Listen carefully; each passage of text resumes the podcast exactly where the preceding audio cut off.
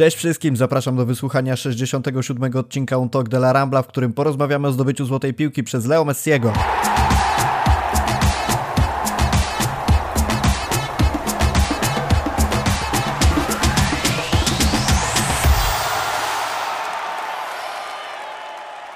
Jeszcze raz cześć wszystkim, są dzisiaj z nami Maciek Łoś. Cześć Maciek. Cześć, witam wszystkich. I Dariusz Maruszczak. Siemanko. Hejka. Wielkie powroty do podcastu, także panowie, dzisiaj parkiet jest wasz.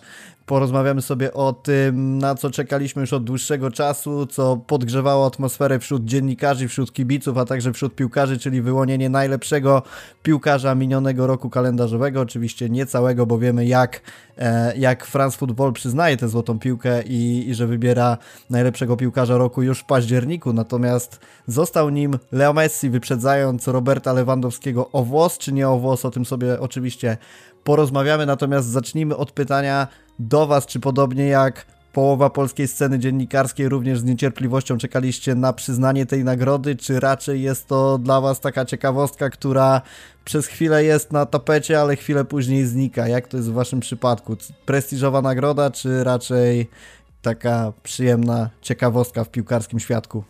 Znaczy na pewno w tym roku było to dla polskich kibiców na pewno duże wydarzenie, bo, bo jednak Lewandowski był niezwykle blisko czegoś historycznego, czego nie dokonał przed nim żaden Polak, a dodatkowo myślę, że wszyscy polscy kibice Barcelony mieli dodatkowy ból głowy, no i powiedzmy PSG również, mieli jednak problem e, no bo właśnie, czy, czy jednak Polak, czy, czy jednak Leo Messi, no ja też miałem taki dylemat i, i niecierpliwiłem się, oglądałem tą galę, e, czekałem na, na wynik, chociaż spodziewałem się mimo wszystko właśnie e, takiego rezultatu, jaki rzeczywiście został osiągnięty.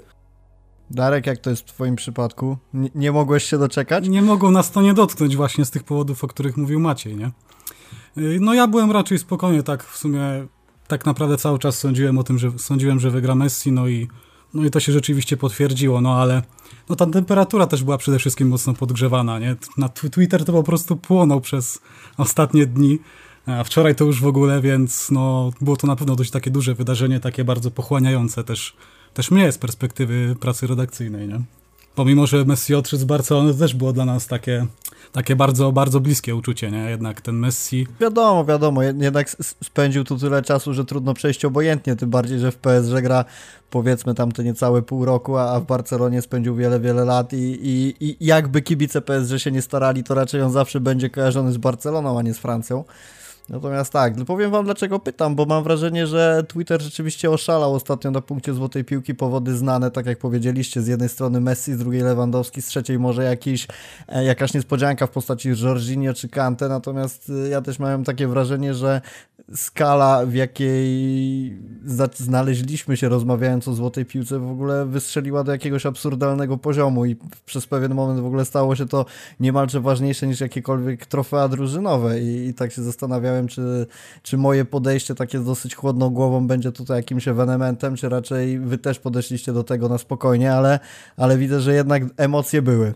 No zdecydowanie było i myślę, że no tak jak wspomniałem, chyba dla wszystkich tych polskich kibiców to był taki wyjątkowy rok, no bo e, tak jak w zeszłym roku Lewandowski został okradziony z tej nagrody, no to w tym roku miał rzeczywiście bardzo dobrego konkurenta, e, no i i do samego końca była, była ta e, niecierpliwość i, i, czekanie na ostateczny werdykt. Także no, myślę, że to było bardzo, bardzo emocjonujący e, wieczór. To zanim przejdziemy sobie do tego, czy Messi wygrał słusznie, czy niesłusznie, to takie krótkie pytanie do Was. Gdybyście mieli samodzielnie zdecydować o tym, kto dostałby złotą piłkę, to w czyje ręce by trafiła? No ja chyba mimo wszystko bym ją przyznał Robertowi Lewandowskiemu, ale no też to, to nie jest, to nie jest e, obiektywna nagroda. Nigdy taką nie była. No. Też e, trzeba patrzeć przez różne pryzmaty i, i mi się wydaje, że Lewandowski zasłużył na tą, na tą nagrodę, ale chyba też trochę niektórzy patrzą i chyba w tym ja e, właśnie na ten poprzedni rok, który no, był zdecydowanie no niesamowity po prostu w jego wykonaniu. Darek, wręczasz Messiemu, wręczasz Lewemu? To ja mam inne, inną opinię od Maćka. Ja właśnie dałbym złotą piłkę Messiemu. No i zaczynamy dymy. Moim zdaniem przeważyła jednak, e, przeważył jednak sukces w Copa America. No ale tak jak napisałem na swoim Twitterze, dla mnie e, zdobycie nagrody przez Lewandowskiego jest, e, jest, jest wytłumaczalne. Ja rozumiem argumenty, które są za Lewandowskim, tak? Natomiast nie rozumiem tego, dlaczego e, deprecjonuje się trochę osiągnięcia Messiego w tym zakresie.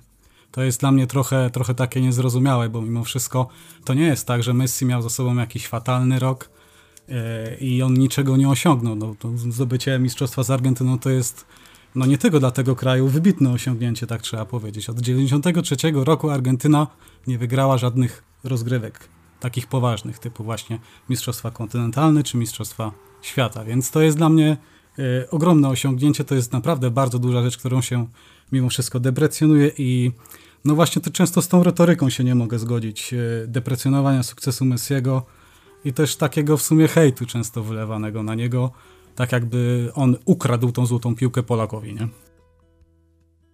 To porozmawiajmy sobie chwilę, bo poruszyłeś bardzo istotny temat z punktu widzenia przyznawania złotej piłki, który przewija się już od lat. Czyli co jest w tym momencie ważniejsze, bo złota piłka jest oczywiście nagrodą za osiągnięcia indywidualne, ale ile mówi się o tym, że indywidualne umiejętności, które nie przekładają się na trofea drużynowe są nic nie warte. No i teraz jesteśmy w takim potrzasku, bo z jednej strony bardzo dużo mówi się o tym, że Messi zdobył złotą piłkę ze względu przede wszystkim na, na wygranie Copa America, ale jednak na przestrzeni całego sezonu Lewy był piłkarzem bardziej regularnym, jeżeli chodzi przede wszystkim o klub.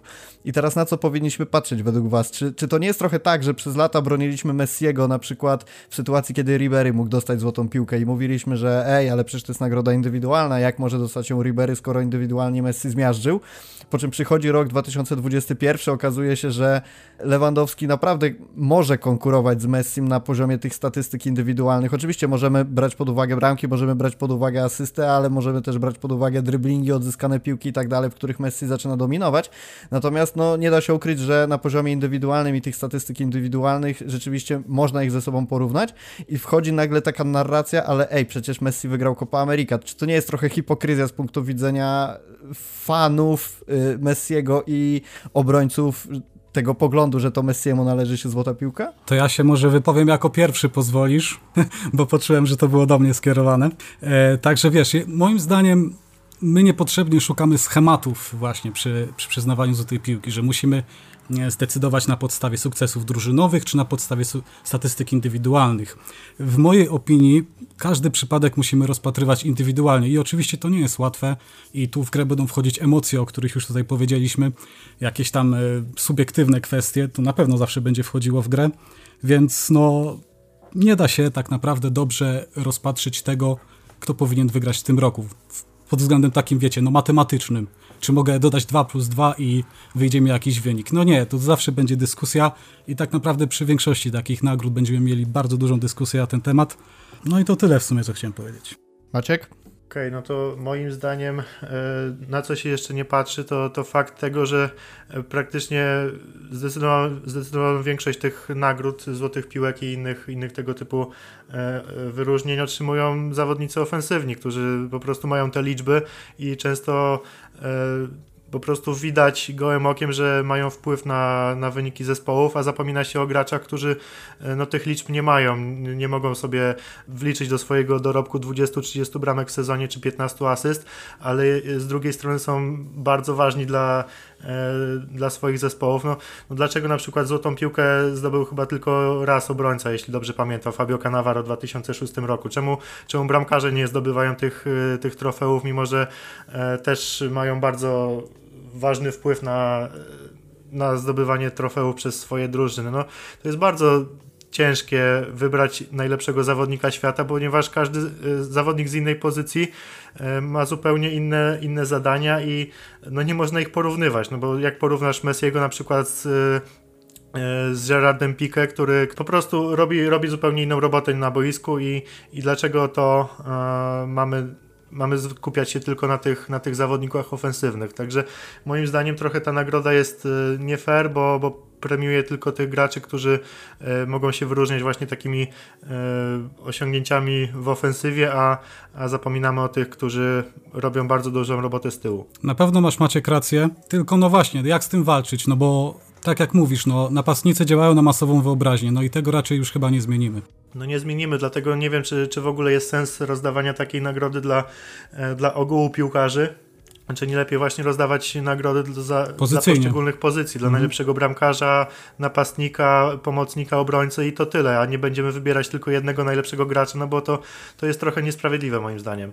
Tak, tylko w tym momencie też dochodzimy do momentu, kiedy e, wybieramy nagrodę dla najlepszego obrońcy i znowu dochodzimy do czegoś takiego, że czy możemy porównać prawego wahadłowego z lewym stoperem. No moim zdaniem znowu jest to sytuacja, w której to są na tyle odmienne pozycje i oczywiście możemy to sprowadzić do tego, że nazwiemy tego obrońcą i tego obrońcą, natomiast wiadomo, że zadania mają zupełnie inne. I jasne, że to granulowanie jest w tym momencie trochę mniejsze niż w przypadku e, porównania napastnika z bramkarzem chociażby, ale, ale nadal pozostawia trochę do, do takie, takie pole do, do wątpliwości, jeżeli chodzi o słuszność przyznawania nagrody.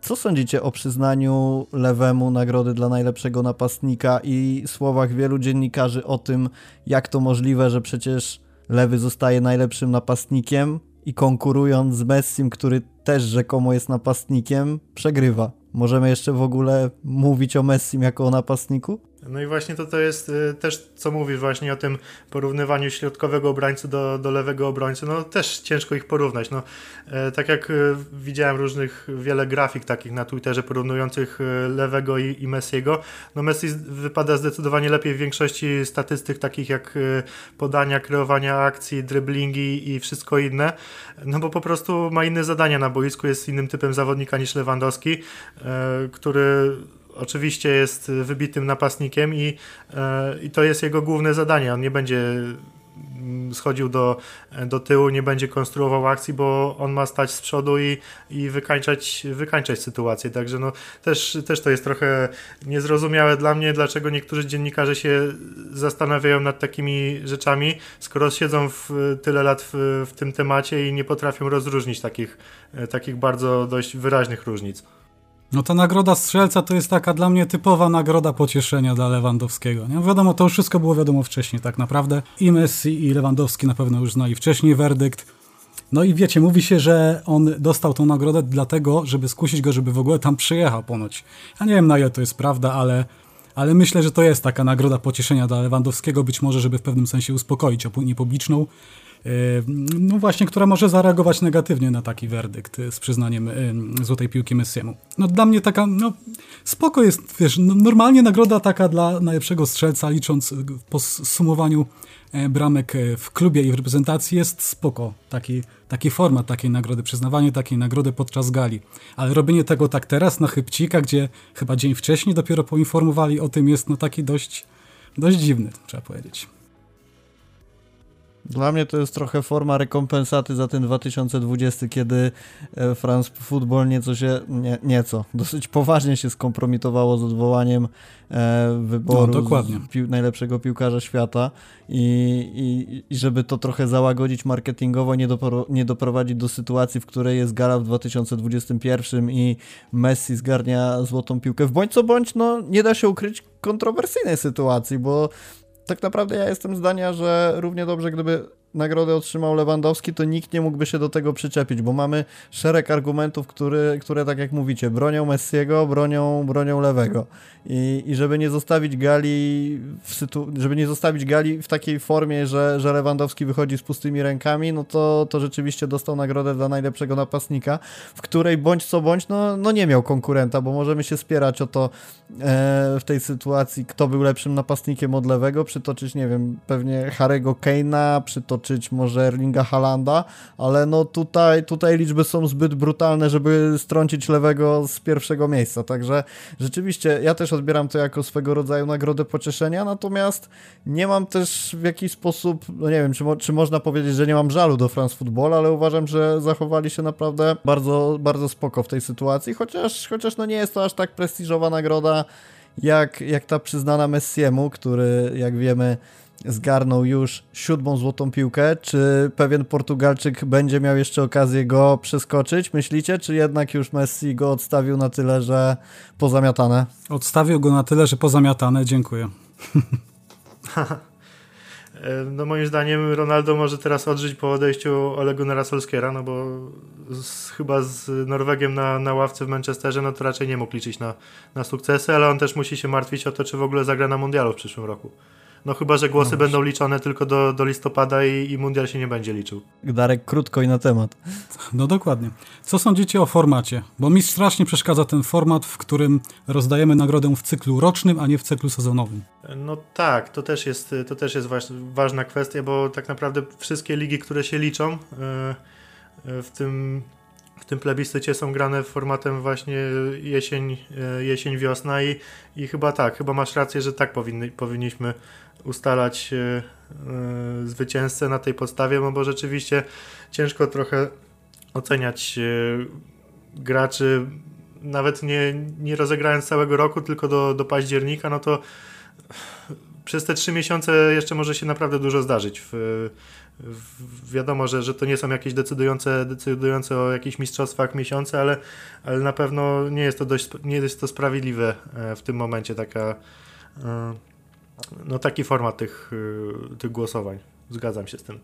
To ja w ogóle mam problem z nazewnictwem, zacznijmy od samego początku, bo jeżeli nazywamy kogoś piłkarzem roku 2021, to nie bawmy się w taki cyrk, że przyznajemy nagrodę 20, y, nie 20, nie przyznajemy nagrody 24, tylko oczywiście głosowanie jest tam do bodajże 24 czy 25 października, bo to jakby samo w sobie wyklucza nam dwa miesiące, które są dosyć istotne w tym roku, e, a na pewno bardziej istotne niż ten okres y, lipiec-sierpień, kiedy no w tym przypadku mieliśmy oczywiście wielkie turnieje międzynarodowe reprezentacji, to, to jest wszystko jasne. Natomiast jeżeli jest taki sezon, w którym takich turniejów nie ma, no to jakby bierzemy pod uwagę, nie bierzemy pod uwagę dwóch miesięcy, w których się gra w piłkę klubową, a bierzemy poniekąd do, do tej klasyfikacji miesiące, w których w piłkę się nie gra. No to jest jakiś w ogóle absurd. I jeżeli chodzi o przyznawanie, czy to za, za sezon, czy to za rok, e, ja szczerze mówiąc, nie jest to coś takiego, co mnie jakoś szczególnie drażni, bo jeżeli ten okres jest mniej więcej taki sam, no bo wiadomo, że tych meczów będzie mniej więcej, mniej lub więcej dla, dla poszczególnych drużyn, ale jeżeli jest to wystandaryzowane, że mówimy tam od, od stycznia do, do października, no to powiedzmy, że jest to ok, no bo przynajmniej jakoś to możemy rozliczać, poza tym, że, że to nazewnictwo jest totalnie od czapy. Tylko, tylko, że jest jeszcze jedna kwestia, bo głosy w ogóle na złotą piłkę dziennikarze mogli przysyłać bodajże od 9 października, czyli to nie dość, że głosowanie kończy się z końcem października, to jeszcze pierwsze, pierwsze spływają na początku października, co jest w ogóle absurdem. Natomiast jeżeli już sobie mówimy o formacie i o tym, w jaki sposób jest przyznawana ta nagroda, no to może rzeczywiście poruszmy temat tego, jak można byłoby zrobić, żeby była nieco bardziej obiektywna, bo y, pomysłów jest naprawdę sporo, tak czytając sobie Twittera, czytając sobie, co się dzieje w mediach społecznościowych. Jednym z pomysłów było to, bodajże Michał Zawada podrzucił to na live, który prowadził Piotr Baleja z Julią Cichą, zachęcamy, żeby sobie zerknąć, e, żeby robić głosowanie na poszczególnych piłkarzy po każdym miesiącu. I to by niejako nam wykluczyło taki efekt świeżości, czyli że Lewy naładował mnóstwo bramek na, na jesień, Messi przeniósł się do PSG, kontuzja nie grał i, i pojawia się narracja, że Messi nic nie zrobił, co jest oczywistą bzdurą, bo już pomijałem sam fakt wygrania Copa America i, i tutaj znowu zgadzam się z Michałem, z, z Michałem Zawadą, że e, był to turniej, w którym zawodnik pojedynczo wzniósł się na niebotyczny poziom i że nie było takiego turnieju w którym, w którym jeden zawodnik tak bardzo zdeklasowałby indywidualnie. No ja się oczywiście mogę, mogę odnosić tylko do tego, co pamiętam, natomiast ufam starszemu koledze, który widział w piłce dużo więcej i, i tu na pewno musimy sobie w tej kwestii przybić piątkę. Natomiast zapominać na przykład o tym, że jak bardzo Messi wiózł Barcelonę w, pierwszym, w pierwszych miesiącach tego roku, styczeń, luty, marzec, kwiecień, przecież zobaczmy, co się dzieje z Barceloną teraz. To nie jest tylko efekt tego, że Barcelona staje się dużo słabsza i dlatego gra dużo gorzej, gorzej, ale też jakby z oczywistego powodu, że, że tej drużyny nie niesie na swoich plecach Messi i, i to już pomijając oczywiście bramki, pomijając asystę, ale jego wkład w grę był naprawdę fenomenalny, jeżeli chodzi o te pierwsze miesiące, a, a gdzieś przy tych wszystkich rozważaniach w październiku, w listopadzie, tuż przed galą Złotej Piłki, kompletnie się o tym zapomina.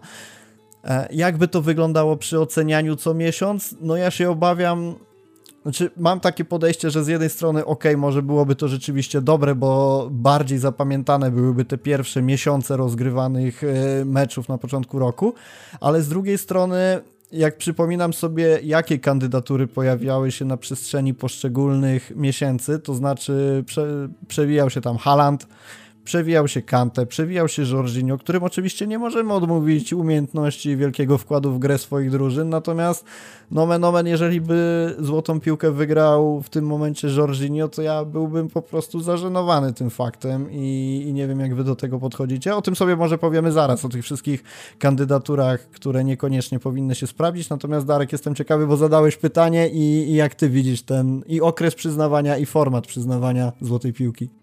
Dla mnie wszystko byłoby bardziej spójne zdecydowanie, gdyby to się odbywało w systemie sezonowym, czyli wiesz, masz jedne rozgrywki, dążysz do jakiegoś celu i jesteś na podstawie tego rozliczany potem, nie? Oczywiście potem też e, z jakimś tam e, buforem na, też na mistrzostwa, turnieje po, posezonowe, nie? E, natomiast ten pomysł Michała Zawady co do ocen miesięcznych, no jest to, jest to ciekawy pomysł, tylko pytanie, jak te miesiące byłyby punktowane, nie? No bo wiesz, jednak maj czy czerwiec, czy to nie są ważniejsze miesiące niż na przykład styczeń czy luty? Jak odbywają ci się, wiesz, jakieś tam kluczowe mecze y, fazy pucharowej Ligi Mistrzów i tak dalej, nie? Więc to też może byłby jakiś tam problem pod tym względem. Generalnie myślę, że nie byłoby takiej dyskusji ostrej jak teraz, gdyby nagroda była przyznana w tym właśnie okresie międzysezonowym, bo wydaje mi się, że wtedy wszystko było jasne latem. Wydaje mi się, że tak naprawdę nawet polskie media godziły się z tym, że w tym roku nagroda będzie przyznana Messiemu, nie? Po tym, po tym turnieju. Nawet były jakieś tam screeny krążyły w necie, że dziś kluczowy, kluczowy dzień dla Lewandowskiego, czy Messi pogrzebie jego nadzieję przed finałem Copa America. Więc y, no, wydaje mi się, że nie byłoby takiej dyskusji i wszystko byłoby jasne, gdyby, gdyby ta nagroda była przyznana w okresie międzysezonowym. I to w ogóle teraz, co powiedziałeś, tak mi przyszło do głowy, że generuje jeszcze jeden problem, e, który myślę byłby dość poważny i szybko by wypłynął na wierzch, bo to, co powiedziałeś o tych miesiącach, kiedy, co jest ważniejsze, czy tam ten styczeń, luty, czy na przykład y, maj, czerwiec. Wyobraźmy sobie sytuację, w której e, posługując się nazwiskami oczywiście, zostając przy Messi i Lewandowskim, e, Messi dochodzi do finału Ligi Mistrzów i strzela powiedzmy jednego gola i no, jak PSG wygrywa Ligę Mistrzów. Hipotetyczna sytuacja. A mamy drugą sytuację, gdzie Lewandowski w jednej ósmej, w jednej czwartej strzela bramki i dzięki niemu Bayern przechodzi dalej. No i teraz z punktu widzenia dziennikarza, co jest ważniejsze? Przejście przez jedną ósmą, jedną czwartą, czy strzelenie bramki w finale po słabych występach na etapie e, jednej ósmej, czy właśnie ćwierćfinału? No jakby wiadomo, że wygranie jest ważniejsze patrząc z punktu widzenia drużyny, ale znowu patrząc z punktu widzenia gry indywidualnej, nie wiadomo, można to oceniać naprawdę bardzo różnie, czyli znowu generują nam się dodatkowe pytania i, i tak naprawdę ten obiektywizm wcale się nie robi większy. Maciek, jak, jak to widzisz? Co, co ty byś zrobił i jak usprawnił tę nagrodę? Znaczy ja jeszcze poruszę jedną kwestię e, ogólnie tych dziennikarzy z całego świata, że głos e, dziennikarza z Anglii jest e, równo, równoznaczny z głosem dziennikarza z Seszele, który też już tyle opinii o nim, tyle historii słyszeliśmy, na jakich piłkarzy on głosował w poprzednich latach. Nie wiem, czy w tym sezonie, czy, czy w poprzednim roku chyba Edena Azarda umieścił na pierwszym miejscu, także no to jest też, też bardzo kontrowersyjne, no bo ciężko, ciężko uznawać, że to jest y, sprawiedliwe, gdy, gdy właśnie w ten sposób y, y, każdy dziennikarz może sobie wybierać kogo chce i tak naprawdę niektóre te głosy są bardzo od czapy. Z drugiej strony Maciek, wiesz, hiszpański przedstawiciel Alfredo Relanio z dziennika AS na pierwszym miejscu na przykład wybrał sobie Karima Benzema z madryckiego dziennika. Oczywiście zupełnie przypadkowo, nie? w uznaniu jego klasy sportowej. Więc to też tak jest różnie bywa z tymi dziennikarzami także z Europy. Też, też różnie te głosy się rozkładają, więc no jest to na pewno trudny temat y, do, do, do wymyślenia jakiejś takiej normalnej, dobrej koncepcji, która by działała, no bo rzeczywiście ci dziennikarze czasem też Sadio Mane były też głosy na, na, na, na Sadio Mane na przykład. Y, na zwycięzcę Złotej Piłki jak, jakoś niedawno, nie wiem czy dwa lata temu, czy wcześniej, więc no, temat jest na pewno ciężki i problematyczny. Tylko ja jeszcze jestem w stanie zrozumieć głos na Benzemę. Jakby, jeżeli by wygrał złotą piłkę, to byłby to absurd, ale jeżeli zdarzają się pojedyncze głosy, to jeszcze do mnie to trafia, bo da się to jakoś tam w tym niewielkim odsetku głosów umotywować, ale no to, to rzeczywiście, no jest problem z tym, że napływają głosy dziennikarzy, którzy jakby zaznaczają te nazwiska w dosyć absurdalny sposób. No i jak my tak naprawdę możemy z tym walczyć, bo dla mnie najlepszym rozwiązaniem, chociaż też oczywiście nie jest to może najlepsze wyjście, ale byłoby, uwaga, uwaga, zaprzestanie przyznawania złotej piłki. Jest to na tyle e, w mojej opinii oczywiście prestiżowa, natomiast tak nieistotna w tym wszystkim nagroda z punktu widzenia jakiegoś tam dorobku drużynowego, no powiedzmy to tak, że, że najbardziej mi się wydaje kontrower... znaczy najbardziej, najbardziej obiektywne byłoby po prostu zaprzestanie przyznawania jej i, i byłby święty spokój i też Twitter by tak się nie gotował, ale oczywiście jest to niemożliwe do zrobienia, bo, bo poza tym, że chodzi o wybranie najlepszego piłkarza, to chodzi o pieniążki, o marketing i całą tą resztę. Widzę, masz radykalne metody rozwiązywania problemów. Dokładnie. No ale, ale byłoby to skuteczne, byłoby na pewno mniej kontrowersji. Ale pojawiły się też takie głosy, żeby oprzeć to jakieś tam algorytmy matematyczne, big data i, i inne sposoby. E, przypisanie powiedzmy odpowiednich wzorów matematycznych i, i innych czarnomagicznych rzeczy, które byłyby obliczane przez komputery wielkości bloków zapewne które wypluwałyby nazwisko piłkarza na podstawie, no nie wiem, załóżmy tam, strzelam oczywiście, ale niech to będzie, że gol w finale ma, ma współczynnik 0,34, a gol w półfinale 0,27, a driblingi mają to, a, a asysty tamto. Nie sądzicie, że to by było bardziej obiektywne niż na przykład takie głosowanie przez dziennikarza z Seszeli? Ale ja z drugiej strony nie lubię w ogóle takich yy, yy Automatyzowania? Automatyzowania tak. Y, y, nie podobają mi się na przykład y, zawsze jakieś gdybania procentowe, ile jakaś drużyna ma szansę na zwycięstwo, ile szans na wyjście z grupy, bo tak naprawdę takie rzeczy czasem zależą od, od naprawdę od niewielkich momentów, przypadków na boisku i wszystko może się, może się zmienić i, i moim zdaniem takie, takie właśnie e, sprowadzanie wszystkiego do do komputerowych wyliczeń, to trochę zabiłoby też emocje, bo moim zdaniem to jest trochę e, tak jak owszem, są te, są te zawsze dyskusje na temat waru, to tak e, jak rozumiem jeszcze jego zastosowanie, to tutaj, tutaj by mi się nie podobało chyba tak sprowadzanie wszystkiego do, do liczb i algorytmów. Ty jak uważasz, Darek, dałoby to radę zrobić, czy raczej zostajemy przy głosowaniu? Nie wiem, czy by dało radę zrobić. Brzmi to tak w sumie dość, dość, no nie wiem, nie wiem. Ja się raczej przychylę do zdania Maćka, bo też nie podoba mi się za bardzo taka automatyzacja i sprowadzanie wszystkiego do jakichś liczb, gdy futbol to są, to są emocje, to są, wiesz, chwile, momenty. Możesz mieć moment, który nie zostanie odzwierciedlony w statystykach, a może być, wiesz, ważny dla dla drużyny, dla wyniku i tak dalej, więc no sceptycznie bym chodził do takich pomysłów, chociaż jakąś koncepcję spójną taką bym sobie z chęcią zobaczył, zapoznałbym się z takową. Ja mam wrażenie, że ta koncepcja mogłaby się wyłożyć już na samym początku, jak ktoś by nam przedstawił chociażby te współczynniki i byłaby, byłaby dyskusja, dlaczego gol w takiej minucie liczy się bardziej niż gol A, w takiej tak, minucie, ale rzeczywiście zostawmy, zostawmy to, bo to e, a nawet to nie jest głos przyszłości, bo nie, nie sądzę, żeby weszło coś takiego. E, czytając sobie Twitterka po wczorajszym wieczorze, nagrywamy to, przypomnijmy, we wtorek wieczorem, dużo, naprawdę dużo dziennikarzy pisało o tym, porównywało sukcesy piłkarzy, oczywiście Messiego i Lewego, jeżeli chodzi o reprezentację. I też trochę sobie powiedzieliśmy o tym deprecjonowaniu osiągnięć Messiego, ale pojawiły się takie argumenty, że Messi jest piłkarzem, powinien być postrzegany jako piłkarz gorszy od Lewandowskiego w kadrze, bo Messi w kadrze jest otoczony znakomitymi innymi zawodnikami. No oczywiście tam Di Maria i cała ta reszta e, ekipy, która wygrała Copa America, natomiast Lewandowski no, urodził się w Polsce, i niestety towarzyszą mu piłkarze o znacznie niższej jakości. E, co ciekawe, ten argument jakby nie funkcjonuje w ogóle w piłce klubowej. Jakby to, że Bayern ma znacznie lepszych piłkarzy niż, niż Barcelona, to, to na to się przymyka oko.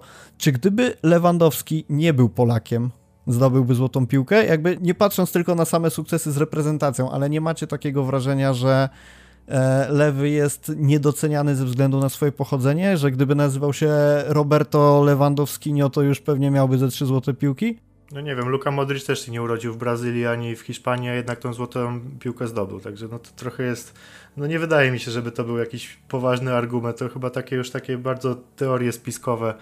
No, myślę, że każdy, każdy piłkarz, który, e, który ma szansę e, no, robi takie liczby jak Lewandowski, ma szansę, ma szansę konkurować o, o złotą piłkę i to nieważne, czy gra w reprezentacji Hiszpanii, czy w reprezentacji e, Polski. Ja mam podobne zdanie, ja też nie uważam, żeby tu jakieś kryteria narodowościowe miały, e, miały swój wpływ. Musimy pamiętać o tym, że Lewandowski zderzył się z, po prostu z gigantem, z być może najlepszym piłkarzem w historii tego sportu, e, który ma gigantyczną, gigantyczną wartość marketingową, który jest niesamowicie rozpoznawalną postacią, więc zmierzenie się z takim gigantem dla, myślę, że dla Francuza, Włocha, Brazylijczyka, dla każdego byłoby problemem. Więc yy, myślę, że nie ma to takiego wpływu. Z drugiej strony, ja bym się jednak troszeczkę, jeżeli mam, miałem oceniać y, rok Lewandowskiego, ja bym się jednak przyczepiał troszeczkę do tego euro, y, bo o ile bramka ze Szwecją była cudowna w ostatnim meczu, wiadomo, strzelił też dwie inne bramki na tym turnieju, to ile ten mecz ze Słowacją kompletnie mu nie wyszedł, to był, to był dla nas kluczowy mecz na tym turnieju. I czy wyobrażacie sobie na przykład, żeby Messi zagrał z takim rywalem jak Słowacja na takim poziomie? No, ja na przykład nie sądzę. A jak postrzegacie te głosy mówiące, że Copa America to turniej farmerów? Bo o tym też się sporo mówi, że większość drużyn z, które brały udział w Euro 2020, gdyby zostały przeniesione na, e, na Copa America, to po prostu by wygrały te, te mistrzostwa bez żadnego problemu z palcem. Nie powiem gdzie. Dla mnie to jest trochę taki bełkot sfrustrowanych e, ludzi, którzy nie za bardzo doceniają Copa America, bo ja oczywiście rozumiem, że niektóre z tych reprezentacji mogą być słabsze, mogą być lepsze, ale, ale mówienie, że, że jest to turniej dwóch drużyn, w którym Argentyna po prostu wygrała bez żadnego problemu jest poniekąd takim e, niedocenianiem tej, tej, tych rozgrywek. No zresztą też na, na podstawie tego, kto je, kto je wygrywa, bo była Argentyna, była Brazylia, ale było też Chile chociażby, więc to już jakby kasuje ten argument o, o, o, o dwóch drużynach, które wygrywają Copa America. Co sądzicie, jakby porównując Euro 2000, nawet to 2020 do Copa America, możemy powiedzieć, że poziom Euro był na tyle, na tyle wyższy, że jakby argument o słabym występie lewego e, nie do końca jest słuszny? Moim zdaniem Copa America jest bardzo deprecjonowana. To też wynika trochę z tego formatu tych rozgrywek, tego, że zapraszają tam jakieś Japonie, czasem Australię, które tam przyjeżdżają w jakichś rezerwowych składach żeby jakoś upchnąć te drużyny do, tych, do tej dwunastki. E, no ale jednak musimy pamiętać o tym, że w Ameryce Południowej są świetne drużyny. Przecież Uruguay był momentami trzeci na świecie, tak? E, na, ostatni, na któryś tam z ostatnich mundialów.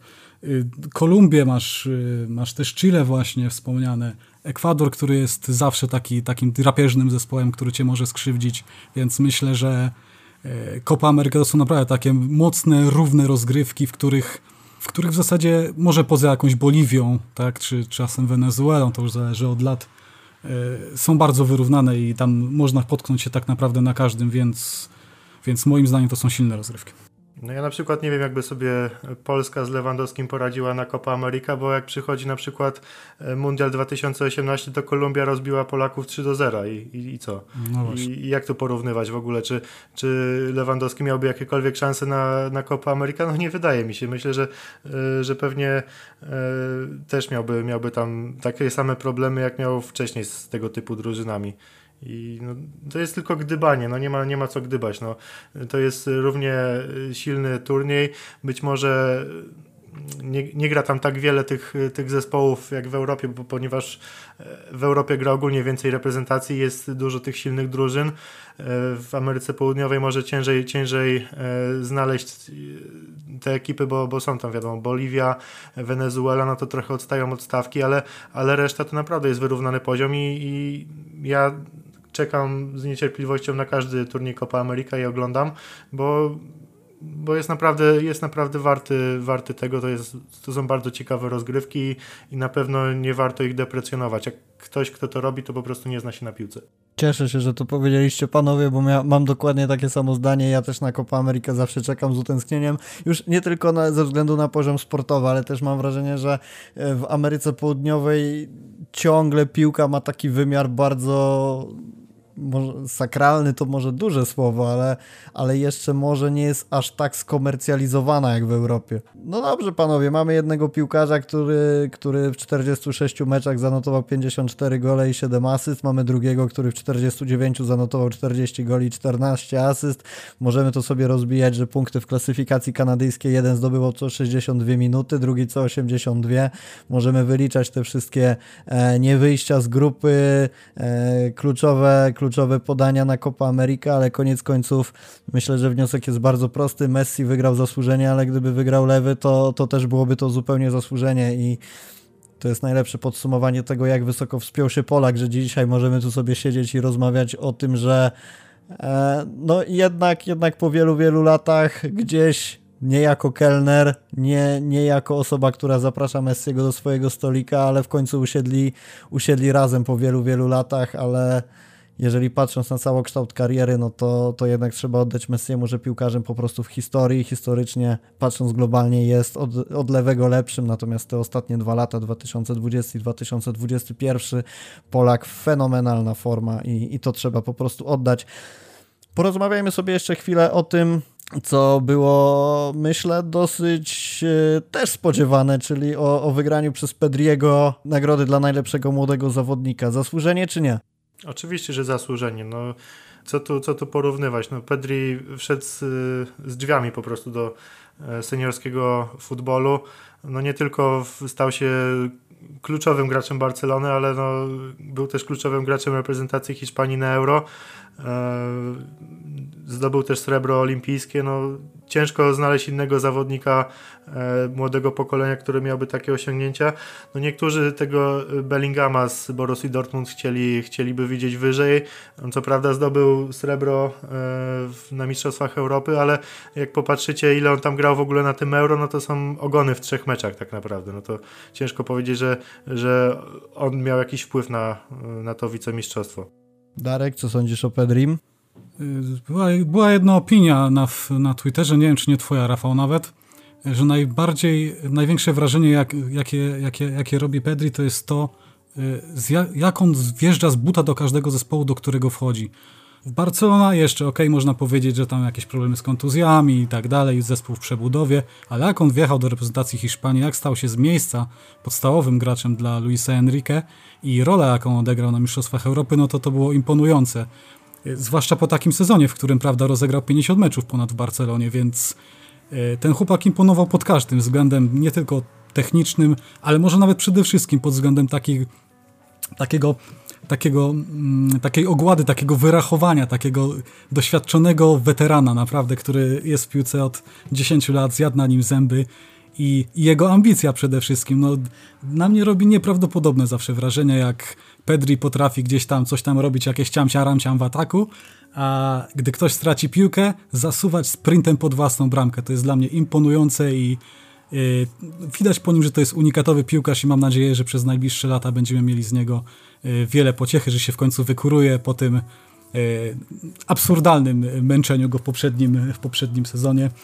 E, przede wszystkim ze względu na wyjazd na, ten, na te igrzyska. To było w ogóle coś absurdalnego, no ale... To ja mam z kolei wrażenie, że ci wszyscy, którzy mówią, że Pedri dostał nagrodę niezasłużenie, e, nieco zapominają, jaki jest obecnie status tego piłkarza, bo zwróćmy uwagę na to, że, że to jest chłopak, który skończył bodajże 19 lat i jeszcze rok temu nikt w ogóle nie rozważał go, że on będzie brał udział w gali Złotej Piłki.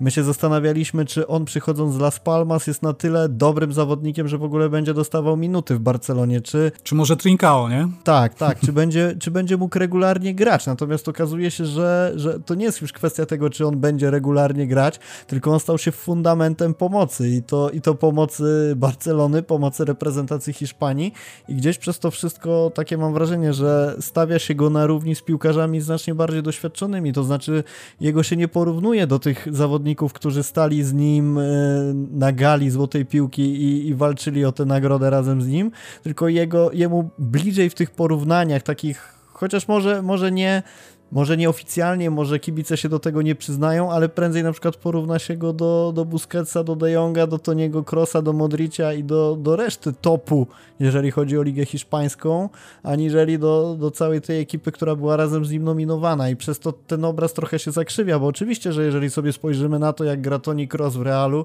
no to on jest pomocnikiem niesamowitym i, i na jego tle Pedri może wypadać blado, tym bardziej tak jak sobie rozmawiamy, że, że został ewidentnie zajechany przez tę liczbę meczów. Natomiast jeżeli chodzi o porównanie go z innymi młodymi zawodnikami, to to jest po prostu klasa jak nie dwie klasy wyżej i, naprawdę no świetna sprawa, że ten chłopak tak, tak rośnie i, i, zbiera doświadczenie w ważnych meczach, w mniej ważnych meczach, bo, bo może być fundamentem Barsy na przyszłe lata. Kończąc temat złotej piłki, mamy jeszcze jeden pozytywny akcent, który z oczywistych powodów mógł e, zrobić nieco mniejsze wrażenie, natomiast na pewno musimy o nim wspomnieć, czyli najlepsza piłkarka minionego roku, Aleksia Putejas. E, co sądzicie, panowie? E, śledzicie żeńską, piłkę żeńską, czy, czy raczej nie? Na pewno w tym, w tym sezonie warto było śledzić y, szczególnie żeńską drużynę Barcelony, bo to, co nasze dziewczyny robiły, to czapki z głów. Takie osiągnięcia i, i na y, krajowym podwórku, i, i e, w Europie, no to, to naprawdę jest y, warte podkreślenia i zdecydowanie nagroda bardzo zasłużona, bo, bo Putejas była bez wątpienia jedną z gwiazd tego zespołu i, i bez niej, e, bez niej być może, e, być może Barcelona grałaby równie dobrze, ale no brakowałoby tego, e, tej kropki na D moim zdaniem, także dla mnie to jest jak naj, najbardziej stuprocentowa złota piłka. Musimy docenić właśnie te osiągnięcia, o których mówił Maciek, bo zawodniczki Barcelony naprawdę leją wszystkich jak chcą tak naprawdę. I no, podobało mi się też, muszę powiedzieć, e, takie emocjonalne dość wystąpienie, e, wystąpienie Aleksji. E, to był jeden z takich fajnych, emocjonalnych momentów tej gali, gdzie była po prostu czysta szczerość, miłość do futbolu, do swojej rodziny. Ona tam wspomniała o swoim ojcu, więc to było takie, takie fajne podejście bez jakiegoś nadęcia propagandowego, które na przykład potrafiła stosować Megan Rapino, nie? wychodząc na mównicę i plotąc swoje kocopoły. E, także no bardzo, bardzo fajne wydarzenie, bardzo fajnie, że się udało e, Aleksji zdobyć tą piłkę i, i czekamy na kolejne sukcesy. To na koniec tego podcastu zróbmy sobie małe typowanie, które rozliczymy za rok. O nie. Kto waszym zdaniem za rok dostanie złotą piłkę? Zaczynamy od Darka. O, matko boska, mogłeś uprzedzić. E, no ja, ja, skoro mu tak e, chwaliłem tego Messiego, to ja powiem, że Robert Lewandowski. Wierzę, że Robert Lewandowski zaprowadzi nas e, do mundialu. Wierzę, że spisze się tam na bardzo dobrym poziomie, pokaże się ze świetnej strony. Że będzie miał świetny sezon w Bayernie i życzę mu z całego serca, żeby, żeby w końcu zdobył tę nagrodę, bo jak najbardziej na nią, za, na nią zasługuje e, postawą w tym roku i postawą w poprzednim roku. Maciek? Ja, ja mam dokładnie takie samo zdanie, po prostu do, do, trzech razy sztuka i tym razem musi się po prostu udać. Mnie kusi, żeby powiedzieć coś absurdalnego w stylu Vinicius, nie, nie, dobra, to kończmy ten przyszedł, podcast. przyszedł mi też do głowy Mbappe, ale no a, żeby nie było nudno i żeby powiedzieć coś innego, to powiem, że to będzie Mbappe. Dobrze. Ale, ale gdybyście mieli mnie zapytać poza programem, to powiem wam lewy i, i podejdźmy do tego tak. Dobra panowie, dzięki wielkie, dzięki za nagranie. Messi ze złotą piłką, Pedri najlepszym zawodnikiem, młodym zawodnikiem minionego roku, Aleksia Putejas najlepszą piłkarką. Zawsze to pozytywny akcent, jak w urodziny Barcelony piłkarze i piłkarka związani z Barceloną dostają takie nagrody. E, dzięki wszystkim słuchaczom, którzy którzy dotrwali do tego momentu. Ja jeszcze sobie otworzę na szybko Whatsappa i przeczytam wiadomość od naszego moderatora, który napisał mi, żebym ogłosił zwycięzcę. Chwila, skroluję, przewijam. Rafał wspomniał w podcaście, że wygrał El Dance, nagrodę z live'a i książkę dostał z podpisem Balagay, wywiad na kanale, na koniec gdzieś tam. Jest na koniec gdzieś tam. Pozdrawiamy wszystkich słuchaczy bardzo serdecznie, a zwycięzcy nagrody gratulujemy wygranej nagrody. Był z nami dzisiaj Maciek Łoś, dzięki Maciek serdeczne. Dzięki, do usłyszenia. I Darek Maruszczak, dzięki Darek. Dzięki, trzymajcie się. Do usłyszenia, siemanko.